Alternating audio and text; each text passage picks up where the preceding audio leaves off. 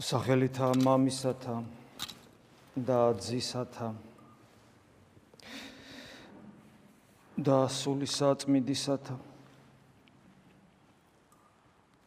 მრავალ ჩვენგანს აქვს ეს გამოცდილება და ვინც ახალმოსულია მას ასევე მომავალში იმედია ექნება რომ დიდ მარხვაში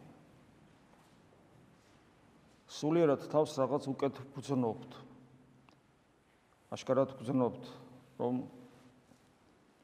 უფრო მეტად გვიყვარს ღმერთი, უფრო მეტად გვწამს, უფრო მეტად გვიხარია ლოცვაც, ზიარებაც, ეკლესიაში მოსვლაც. რა თქმა უნდა, მიზეზი პირველ რიგში მისტიკურია, ანუ ანუ ის რომ ღმერთი გვეხმარება პირველ რიგში მიზეზი ეს არის.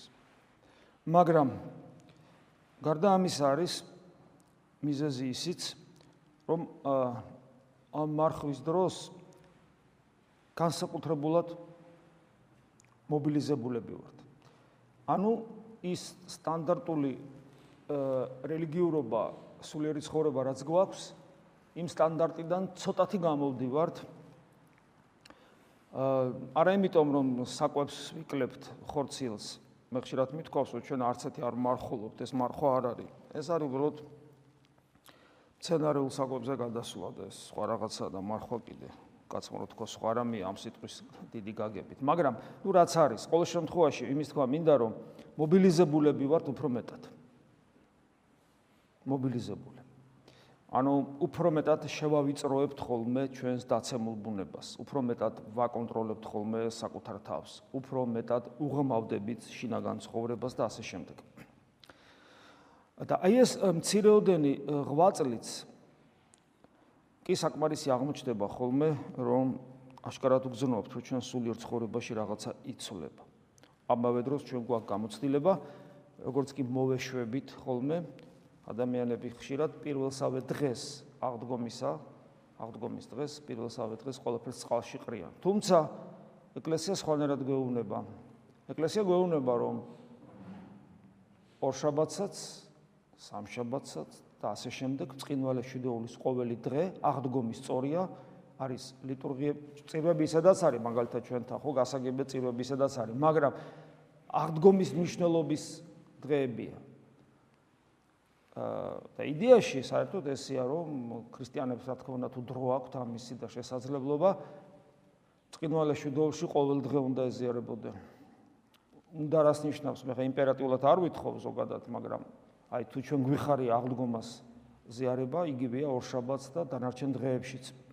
ეს არის.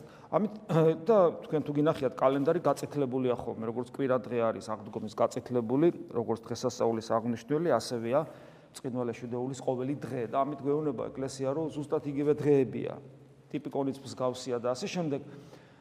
და ანუ არ არის ადგილი არ უნდა მივცეთ განცხრომას ხორციელს და თრობას მით უმეტეს რაც ყველაზე საშინელებაა გახსნილება არ ნიშნავს განცხრომას ხორციელს და თრობას მით უმეტეს მაგრამ ჩვენ ვიცით რომ როგორც გამოდივართ ამ პატარა ცოტა საკუთარი თავის შევიწროების ზონიდან იმ წამსვე პრობლემა ჩდება ისევე და ბევრს უთქოია რომ ხორცის ჭამას კი იწખებს მაგრამ რაღაცა რაღაცა დანანება აქვს რომ აუ რა კარგი იყო მარხვაში რა კარგი იყო მარხვაში. ხო ისე აღარ არის. მე ამ ყველაფერს იმ კონტექსში ვამბობ რომ ჩვენ წინაზეც ვისაუბრეთ ჩვენ ხო ვემზადებით აღდგომასთან შესახვედრად აღდგომას აღდგომის განცდა ხო უკიდურესად ინდივიდუალური უნდა იყოს პიროვნული. და არა საზოგადო. უბრალოდ აი საზოგადოთ ადამიანმა შეიძლება თეორიული უბრალოდ რაღაცა დოქტრინალური თეოლოგიური როცა ადამიანმა წმენა წმენაც აქვს და კითხულობს კიდევაც რომ აი ღმერთი მოევლინა სამყაროს და ყველაფერიას მოხდა რაც მოხდა მეტნაკლებად ამას რწმენით ვიღებთ და ასე შემდეგ. მაგრამ აი აღდგომა, აღდგომა უნდა იყოს პირადად განცდადი და თუ ეს პირადად განცდადი არ არის, იმიტომ რომ აღდგომა სხვა სიცოცხლე მოაქვს. აი როცა ამბობს ქრისტე რომ მე ვარ სიცოცხლე, აი ეს სიცოცხლე მოაკვტრეთით აღმდგარი მაცხოვრის განცდას ჩვენში. ფოთაშორის რომ ვეზიარებით, ზუსტად ეგ ხდება ჩვენში. აღდგომა ქრისტესი ვიხილეთ.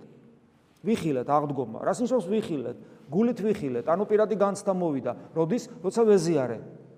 როცა ვეზიარე და თუ არ მოვიდა ეს განცდა, ესე იგი მე პირადი გამოცდილება აღდგომის არ ამაქვს.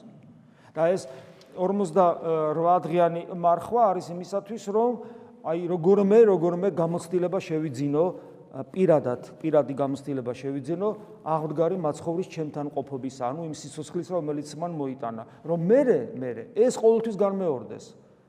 ყოველთვის განმეორდეს, ყოველ წირვაზე განმეორდეს, ყოველი ზიარების დროს განმეორდეს. ამისთვის ამისთვის არის ეს მობილიზებული თელი ჩვენი შინაგანი რესურსი ამ პერიოდში. ნუ როგორც არის მობილიზებული სამოგახსენოთ, მაგრამ რაღაცა ცოტათი ხო არის. აა ესე იგი იმისათვის რომ ჩვენ გქონდეს გამოცდილება კვეთით აღდგარი მაცხოვრის ჩვენში მყოფობისა და ახალი სიცოცხლისა, რომლის გარეშეც ქრისტიანობა არაფერსაც არ ნიშნავს, როგორც პავლე მოციქული ამბობს, და ჩვენ ყველა საცოდავი ადამიანები გამოვდივართ, არაფერს არ ნიშნავს ჩვენთვის, თორე როგორ არ ნიშნავს. ესე იგი ჩვენ მივადექით ისევ იმ ადგილს, რომ ისევ იმ თემას, რასაც ჩვენ წინაზე ვისაუბრეთ, რომ ძალიან მნიშვნელოვანია ღვაწლი. ეს ბევრს აღიზიანებს, ვიცი. როდესაც ჩვენ საუბრობთ აა საკუთარი თავის შევიწროებაზე და გახსოვთ წინაზე გითხარით, აუცილებლად უნდა გამოვიდეთ კომფორტის ზონიდან. იმიტომ რომ სულიერი ცხოვრება, რელიგიური ცხოვრება რომელსაც ადამიანი მოირგებს ხოლმე, ის შემდგომში კომფორტული ხდება. უფრო კომფორტული ვიდრე არარელიგიურობა. ადამიანს მე აღარ შეუძლია არარელიგიურად იცხოვროს. კომფორტული ხდება და შესაბამისად ეს კომფორტ როგორც კი კომფორტის ზონას ვახცევთ, იმ წამსვე იქიდან თუ არ გამოვედით, ჩვენი სულიერი განვითარება ეგრევე წყდება. ეგრევე მთავრდება, ყველაფერი მთავრდება და იწყება ხიბლი, ფანატიზმი, რა ვიცი, ასეთი რაღაცები იწყება. აა დღევანდელ დღესაც მე მინდა ამ თემაზე შევაჩერო თქვენი ყურადღება. გახსოვთ ერთი ადგილი წმინდა წერილში ეს არის მათემახარებლის მათემახარებელთან ეს ადგილი მათემახარებელთან როდესაც ეს არის მეშვიდე თავი აა როცა უფალი ესეთ რამეს ამბობს არა ყოველმან რომელმან რქვას მე? უფალო უფალო ლოცულობს ლოცულობს უფალო უფალო ანუ რომელიც ლოცულობს ღვთის სახელს ახსენებს ასეთი ადამიანები ყველა როდიშევა სასუფეველში. არამედ რომელმაც ყოს ნება მამისა ჩემისა ზეცათასა.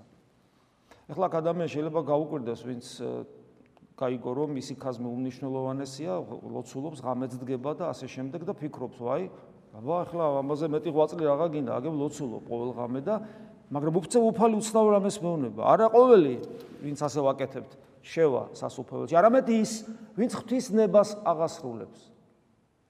ესე იგი შეიძლება თურმე ლოცულობდე და ღვთის ნებას არ აღვასრულებდე. რატომ? იმიტომ რომ აი ეს რაღაცა დოზით მიჩვევა ნებისმიერ ღვაწს, მათ შორის ლოცვასაც კომფორტის ზონაში შევყავთ. მე რეაგზელებს უფალი, გახსოვთ ეს ადგილი თქვენ. მრავალთა მრქვან მე მას დღესა შინა. რომელ დღეს შინა, როცა შევხვდებით მას უფალს, ან გარდაცვალებისას, ან როცა ის დაბრუნდება. უფალო, უფალო. არა სახელითა შენი თავწინას წარმეთყოლებდით, ა? და სახელითა შენი და ეშმაკში ეშმაკნი განვასხენით? და სახელითა შენითა ძალნი მრავალი ვქმენით, ანუ სასწაულები ვქმენით, თორმეტგინე, არა მარტო ლოცულობს ადამიანი, წინასწარ მეტყველებს, ბოროტზალებს ებრძვის და სასწაულებს ახდენს. ეს მით ყველაფერს აკანუ შენ ხო ახლოსაც ვერ მივალ. არც ლოცვა შეგვიძლია, არც წინასწარმეტყველება შეგვიძლია და ასე შემდეგ, არაფერი არ შეგვიძლია. ადამიანებმა ყველაფერს აკეთებენ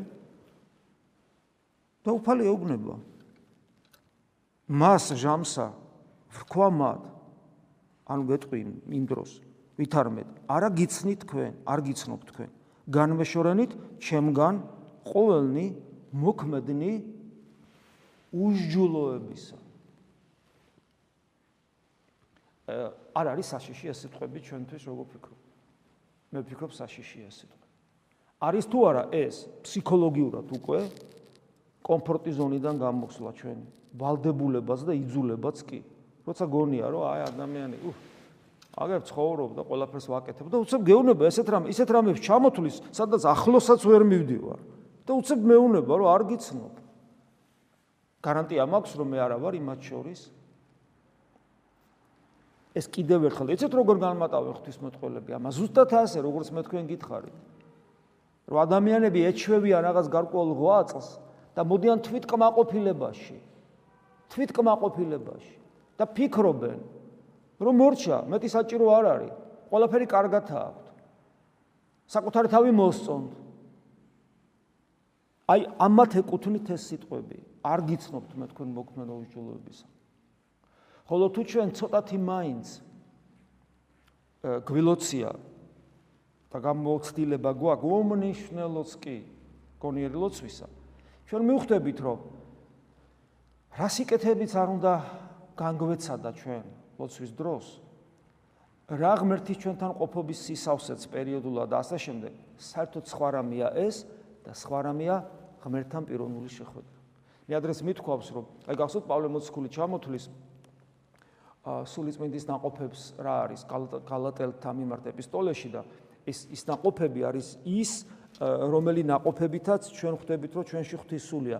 იგივე ეფრემ ასურის ლოცვაში, როცა ჯერ ანტიქრისტეს სულიერ მდგომარეობას ითხოვს მორწმუნე რომ ეს სული უქმობისა მიმომწვალობისა თავრობის მოყარებისა ცუდათმეტყველებისა ეს დემონური სული არ იყოს შემში ხოლო სული სიწმინდისა სიმდაბლისა და ასე შემდეგ აი ეს და სიყვარულის ამოთმინებისა ეს სული როცა არის ჩვენში როცა ჩვენ აი ყველაფერი ამის განცდა გვაქვს, ეს ჯერ კიდევ არ ნიშნავს პიროვნულ ურთიერთობას ღმერთთან. აი მამაშულო ურთიერთობას ღმერთთან, ჯერ კიდევ არ ნიშნავს. ეს მაინც ის სიკეთეებია, რომელსაც მე ღმერთი მაძლევს, განმამდიდრებს, ადამიანად მაქცევს, מחარებს, მაბედნიერებს, სულიერ სიამოვნებას მანიჭებს, იმეც მიცოცხლებს. მარადიული სიცოცხლის სასופევლის წინა გემოს ხილვაში მომყოფებს. მაგარია, ეს ძალიან კარგია. დაცულობის განცდა მაქვს, სიმშვიდე მაქვს და ასე შემდეგ. ყველაფრით კარგია, მაგრამ ეს ჯერ კიდევ არ არის პიროვნული შეხვედრა უფალთან. ეს ჯერ კიდევ არ არის. მე მესმის ჩვენ შეიძლება ისე დავასრულოთ ამ ქვეყნიური ცხოვრება, რომ ის შეხვედრა არც კი მოხდეს. ეტა ესენი თუ მივახციეთ ამას ჩვენში და ადამიანებს დავემსგავსეთ, ესეც კარგია. აქ ამაზე არ არის საუბარი. საუბარი სხვა რამეზეა, როცა ადამიანი მოდის თვით კმაყოფილებაში, როცა ეს ყველაფერი აქვს. ან ამაზე ნაკლებიც აქვს და მაინც მოდის თვით კმაყოფილებაში. ეხლა მე რა ჩამოთვალე შინაგანი საოცარი თვისებები ქრისტეს სულის ჩვენთან ყოფობისა, როცა ჩვენი ჩვენ მოქმედებთ საფრთხო ენერგიის მიერ ამ სამყაროში ეს ეს ყველაფერი გაცილებით წინ მდგომარეობაა, ვიდრე სასწაულის მოხდენა. ადამიანმა შეიძლება როგორც რა ვიცი რა, როგორ რანაირად სასწაული მოხდეს და ეს ყველაფერი შიგნით ჯერ კიდევ მას არ კონდეს. აი ღმერთმა ინება რომ ამ ადამიანის ხელით რაღაცა მოხდა, მაგრამ შიგნით ეს არა აქვს. ეს სასწაული გარეგანი ქმედება, გარეგანი რაღაც რელიგიურობა, რომელიც თუნდაც წინასწარმეტყოლებაში და სასწაულში ვლინდებოდეს. გახდოთ პავლე მოციქული რას ამბობს კორინთელთა მიმართ ეპისტოლეში, ეპისტოლეში. მოწამეობრივ ღვაწლზეც კი საუბრობს, მაგრამ თუ და წილასწარმეტყველებაზეც ასწავლებდეს, მაგრამ თუ სიყვარული არ მექნება, ეს არაფერია. და სიყვარული სწორედ ეს ეს ერთ-ერთი თვისებათაგანია, რომელიც აი სწორედ გალატელთა მიმართ ეპისტოლეში სულიწმინდის ناყოფებად მოიხსენება, ანუ ჩემში მადლის ყოფებად მოიხსენება. ეს განსაკუთრებული მდგომარეობაა, მაგრამ ეს ჯერ კიდევ არ არის ის. ესეც კომფორტის ზონაა, რა თქმა უნდა. წარმოიდგინე, ეს ყველა ფერთვისებები რო შენშია, შეხო ბედნიერი ხარ. და რა თქმა უნდა ეს ღვთისყალობა. ანუ ეს თუ ყველაფერი მექნა, აქეთკენ ხო უნდა ვისწრაფო და თუ მექნა ცუდია, ცუდი კი არა გადასარევია, მაგრამ ეგ არ არის საკმარისი ამის თქმა მინდა. არ უნდა შექმნათ ის ისე ვიმეორებ ამ სიტყვას დაჟინებით ის კომფორტის ზონა, რომ მორჩა, აა უკვე აი კარგად თქვა. არამედ ჩვენ უნდა დაუღალავად გავაგზავნოთ ღვაწლი, რომ მას შევხვდეთ. მას შევხვდეთ. როგორც მოსეს ქონდა ეს, როგორც ილია წინასწარმეტყველს ქონდა ეს. რომ მას უნდა და უნდა და ღმერთთან შეხვედრა ილიასაც მოსესაც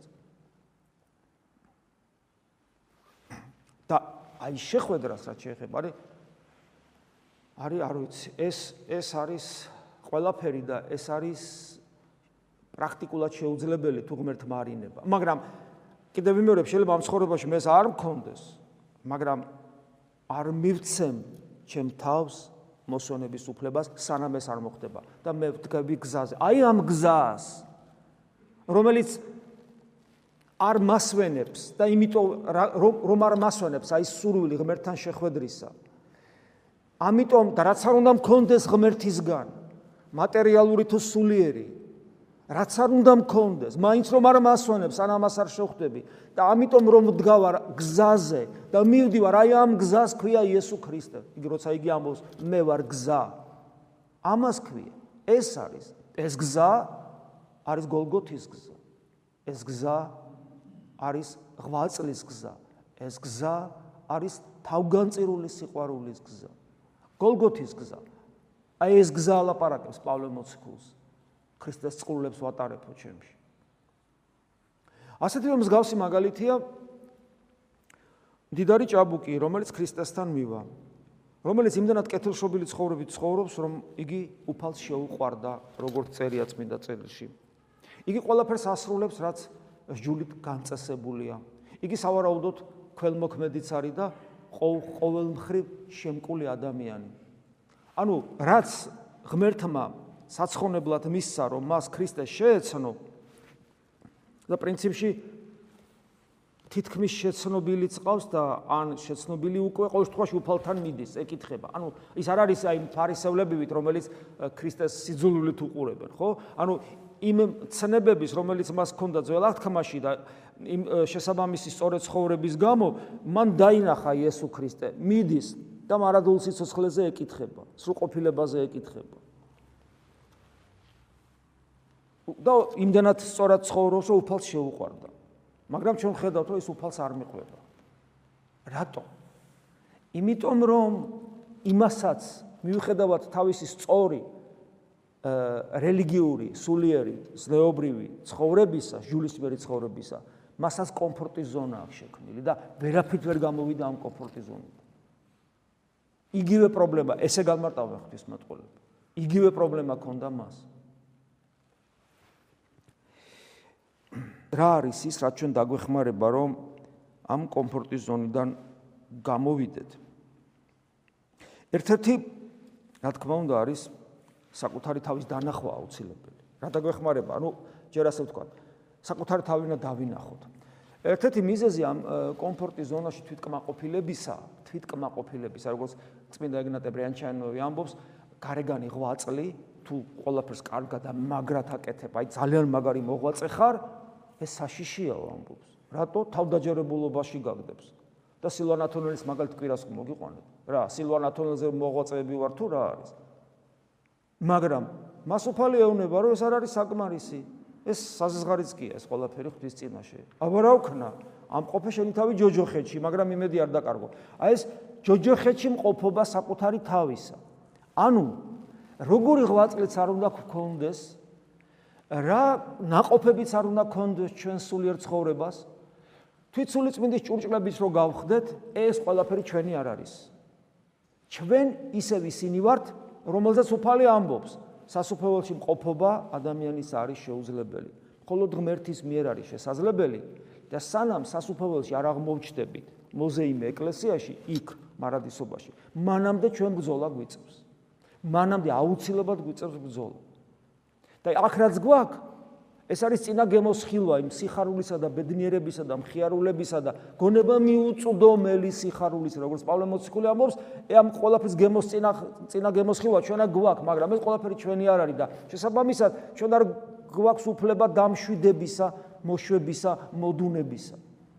და როცა ჩვენ მოვდუნდით მოვეშვით და კიდევ ვიმეორებ ამ ტექნიკურ სიტყვას კომფორტის ზონაში შევედით და გვიხარია, გვავიწყდება რა ბუნება აქვს ადამიანს. აი ბუნება, რომელიც ჯოჯოხეთის სინონიმია ამ შემთხვევაში, როგორც სილვან ათონელს ეუბნება. შენი თავი ამყოფე ჯოჯოხეთში რას ნიშნავს? ეს არის ჩემი ნებელობით, ნებელობით გააზრებ თვით შემეცნება სიღრმისეული საკუთარი თავისა და ხილვა იმისა, რომ მას ჯოჯოხეთური მდგომარეობა აქვს. გარდა იმისა, რომ ღვთის ხატია, ამასთან ერთად მას ჯოჯოხეთური მდგომარეობაც აქვს. იმიტომ რომ ჩვენ ადამიანის გენეტიკური მემკვიდრეები ვართ. და ყველაფერი საშინელება, რაც მას დაემართა, ჩვენში ყველაფერი სისხორცეულად არსებობს. იგი აუჯანყდა ღმერთს. გაიხსენეთ? ადამ ჯერ როგორი ტკბილი სიტყვაა ეს ადამ სადახარ ხა ხო ხვდებით რომ ღმერთს რა სიჭირდება ადამის ძიება ხო მის თვალწინ არის მაგრამ აი რომ სინდისი გამოუღვიძოს და ადამი თავს ესხმის ღმერთს შეარო ცოლი მომეცი იმან შემაცდინა. ეხლა ასეთ რამეს ვერ გაუბედა უფროს მეგობარსაც კი. რამა იმა რაღაც სიკეთე გაგიკეთოს. მე შენი სიკეთე კარგად ვერ გამოიყენო. რაღაცა პრობლემა შეგექმნას და რო გითხრას აბა რა მოგივიდა სადახარ აი შენ რომ მაჩუქე იმან გამიკეთა ეს. უფროს მეგობარს ვერ გაუბედა მეგობარს ვერ გაუბედა ამას. ადამი ისი აუჯანყდა ღმერთს რომ თავხედურად ღმერთს ესე უთხრა წარმოგიდგენია უმადურობის თავხედობის ყოველგვარი რა ვიცი დემონური მდგომარეობის ზეიმი ჩვენ იმათი შვილები ვართ. ჩვენ მუდამ მხედრდებით ღმერთის წინაშე. აბა გავიხსენოთ რაღაცა განსასწრელი როა და მოგოჩვენება რომ უსამართლოთ არის. ბერჯელ მithქვავს თქვენთვის, ქრისტიანი არასოდეს არ იტყვის თავის ხოვრებაზე რაღაცა რომ მოუვა. რატომ? გვითქვავს ქრისტიანის სიტყვა ეს არ უნდა იყოს. ეს არის ძველი ადამიანის სიტყვა. რატომ ღმერთო, რატომ შე რომ მომეცი და რაღაც ეს აჯანყება ეს ღმერთის წინაშე. დრტყვინვა, წუწუნი. არასოდეს არ იტყვის რატომ? არასოდეს. რატომ? რატომ არ იტყვის? იმიტომ რომ ქრისტიანი უნდა ხედავდეს საკუთარ თავს. რაღაცა შემემთხვა კი არა. გახსოვთ გონი ის აკასური ამბობს, რომ ღმერთი უსამართლოა. ღმერთი სამართლიანი რო იყოს მე ხა დიდი ხანი ჯოჯოხეთში ვიქნებიო. ამას ხედავს ეს წმინდა მა და ისორეთ კომფორტის ზონაში მყოფობა ამას ამის ლუსტრაცია რომ მე ამას ვერ ვხედავ. მე ამას ვერ ვხედავ. და საკმარისია აი ხო კარგად ვარ კარგად ვარ და უცებ საკმარისია რაღაც განსასწრელი მოვიდეს. მაგალითად როგორც ექვთიმი ათონელს მოუვიდა ადამიანი აბა ის იყო მადლმოსილი თუ იყო გასეთი მადლმოსილი ადამიანი ქველმოქმედების ჟანგს, როცა ის გლახაკს თანხას აძლევდა, ჯორმა ჩამოაგდო და დაიმტრა და სამ დღეში გარდაიცვალა. ავარიაში მოყო. არ არის უცნაური. ერთი ღერით მარ ვარდებაო ადამიანის თავიდან ღვთისგანგების გარეშე და ესე იგი ჯორმა რო ჩამოაგდო, ღმერთმა ხელი რატო არ შეაშველა? ქონდა თუ არა მას საფუძველი ამბოხის? გესმით? მაგრამ წმინდანი სწორედ იმიტომ არის წმინდანი, რომ ის არ ამბოხდება ღმერთის წინაშე. არ ამბოხდება. არამედ ის საკუთარ თავს დაადანაშაულებს და სამართლიანად სამართლიანად. იმიტომ რომ ჩვენში ყველაში არის ის რის გამო ჩვენ ყველაფრის ღირსი ვართ. ოღონ ეს ყველაფერი არ ხდება ჩვენზე, იმიტომ რომ ეს ყველაფერი ჩვენთვის იტვირთა თავად ღმერთმა და მოკვდა ჯვარზე. ამიტომ ერთადერთი გამოსავალი ეს არის ამ სიტუაციაში საკუთარი თავის შემეცნება, საკუთარი თავის შემეცნებაში რა გვეხმარება წმინდა წერილი. აი მაგალითად იაკობ მოციქული ესეთ რამეს ამბობს, ეს პირველი თავია. აა ხახალქათულად წაიკითხავთ, რომ უფრო გაიგოთ. იყავით სიტყვის აღმასრუ აღმსრულებელნი და არა მხოლოდ მსმენელნი თავის მოსატყუებლად. ანუ საუბარია აქ ღვთის სიტყვის წმინდა წერილზე. ჩვენ ხო წმინდა წერილს სულ ნავკითხულობდეთ. და მე აქ არის საინტერესო კიდევ ერთი.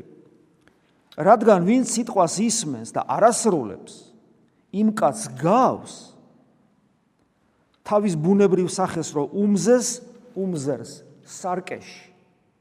იაკობ მოციქულის ეს ეპისტოლე. დაინახავს თავის თავს, წავა და მყისვე ავიწყდება, როგორია მისი იერი. ცოტა გაუგებარი იგავრი სახეა ხო? სარკეში დავინახეთ ჩემი თავი და წავედით. რატო რატო უნდა დამოვიწყდეს ხო? ავინახე ეგეთი ვარ და ეგეთი ვარ მახსოვს. თითქოს გაუგებარია. მაგრამ ამ შემთხვევაში სარკეს სარკე არის სიმბოლო წმინდა წერილისა ღვთის სიტყვისა. და ნახეთ ამით რას მეუნება მე რომ მანამდე ხომ აფრთხილებს რომ მარტო ნუ კი ისმენ არამედ აღასრული. ამით მეუნება იმას რომ წმინდა წერილი ჩემთვის ანუ ღვთის სიტყვა არის სარკე რომელშიც ხდება ჩემი ლუსტრაცია. ლუსტრაცია, აგე თქვა ორი მაგალითი მოგიყვანეთ, ხო?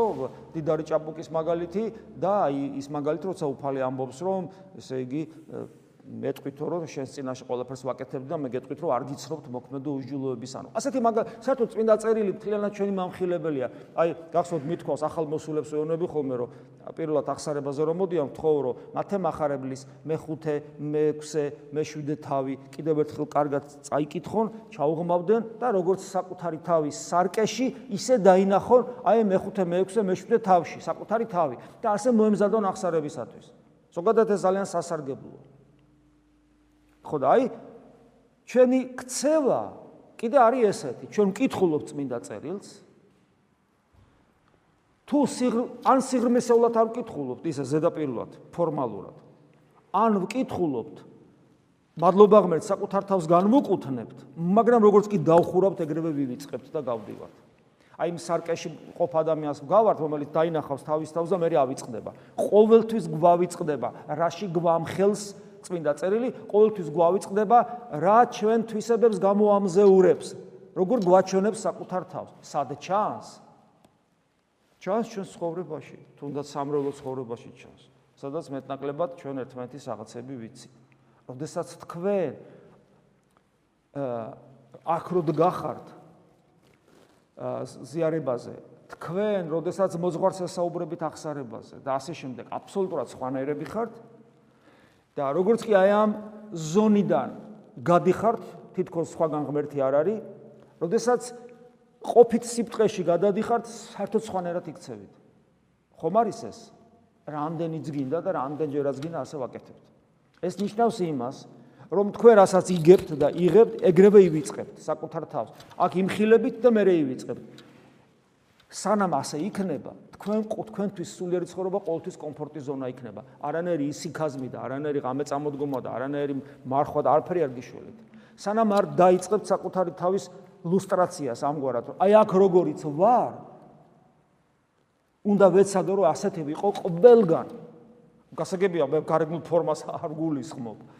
მე შინაგან მდგომარეობას გულისხმობ. და ჩვენ ასეთები არა ვართ. ამიტომ თუ ჩვენ გვინდა რომ ქრისტიანები მარტო სახელად არ ვიყოთ და თუ ჩვენ გვინდა რომ აღდგომა განვიცადოთ როგორც ახალი სიცოცხლე და ამისთვის ვარ ჩვენ აქ უნდა ვეცადოთ რომ ეს განსხვავება აკაურობასა და აკაურ თეოდოროს თეოდორეს და იკაურ თეოდორეს რომელიც გარეთ გადის ეს განსხვავება დავინახო ჯერ. მე და ვებძოლო ამ განსხვავებას და იგი ნულამდე დავიყო ამით ვიქნებით მხოლოდ და მხოლოდ ნამდვილი ქრისტიანები. ამინ. მადლი უფლისა ჩვენისა იესო ქრისტეს და სიყვარული ღვთისა და მამისა და ზიარება სული საწმინდისა იყოს თქვენ ყოველთა თანა. ამინ.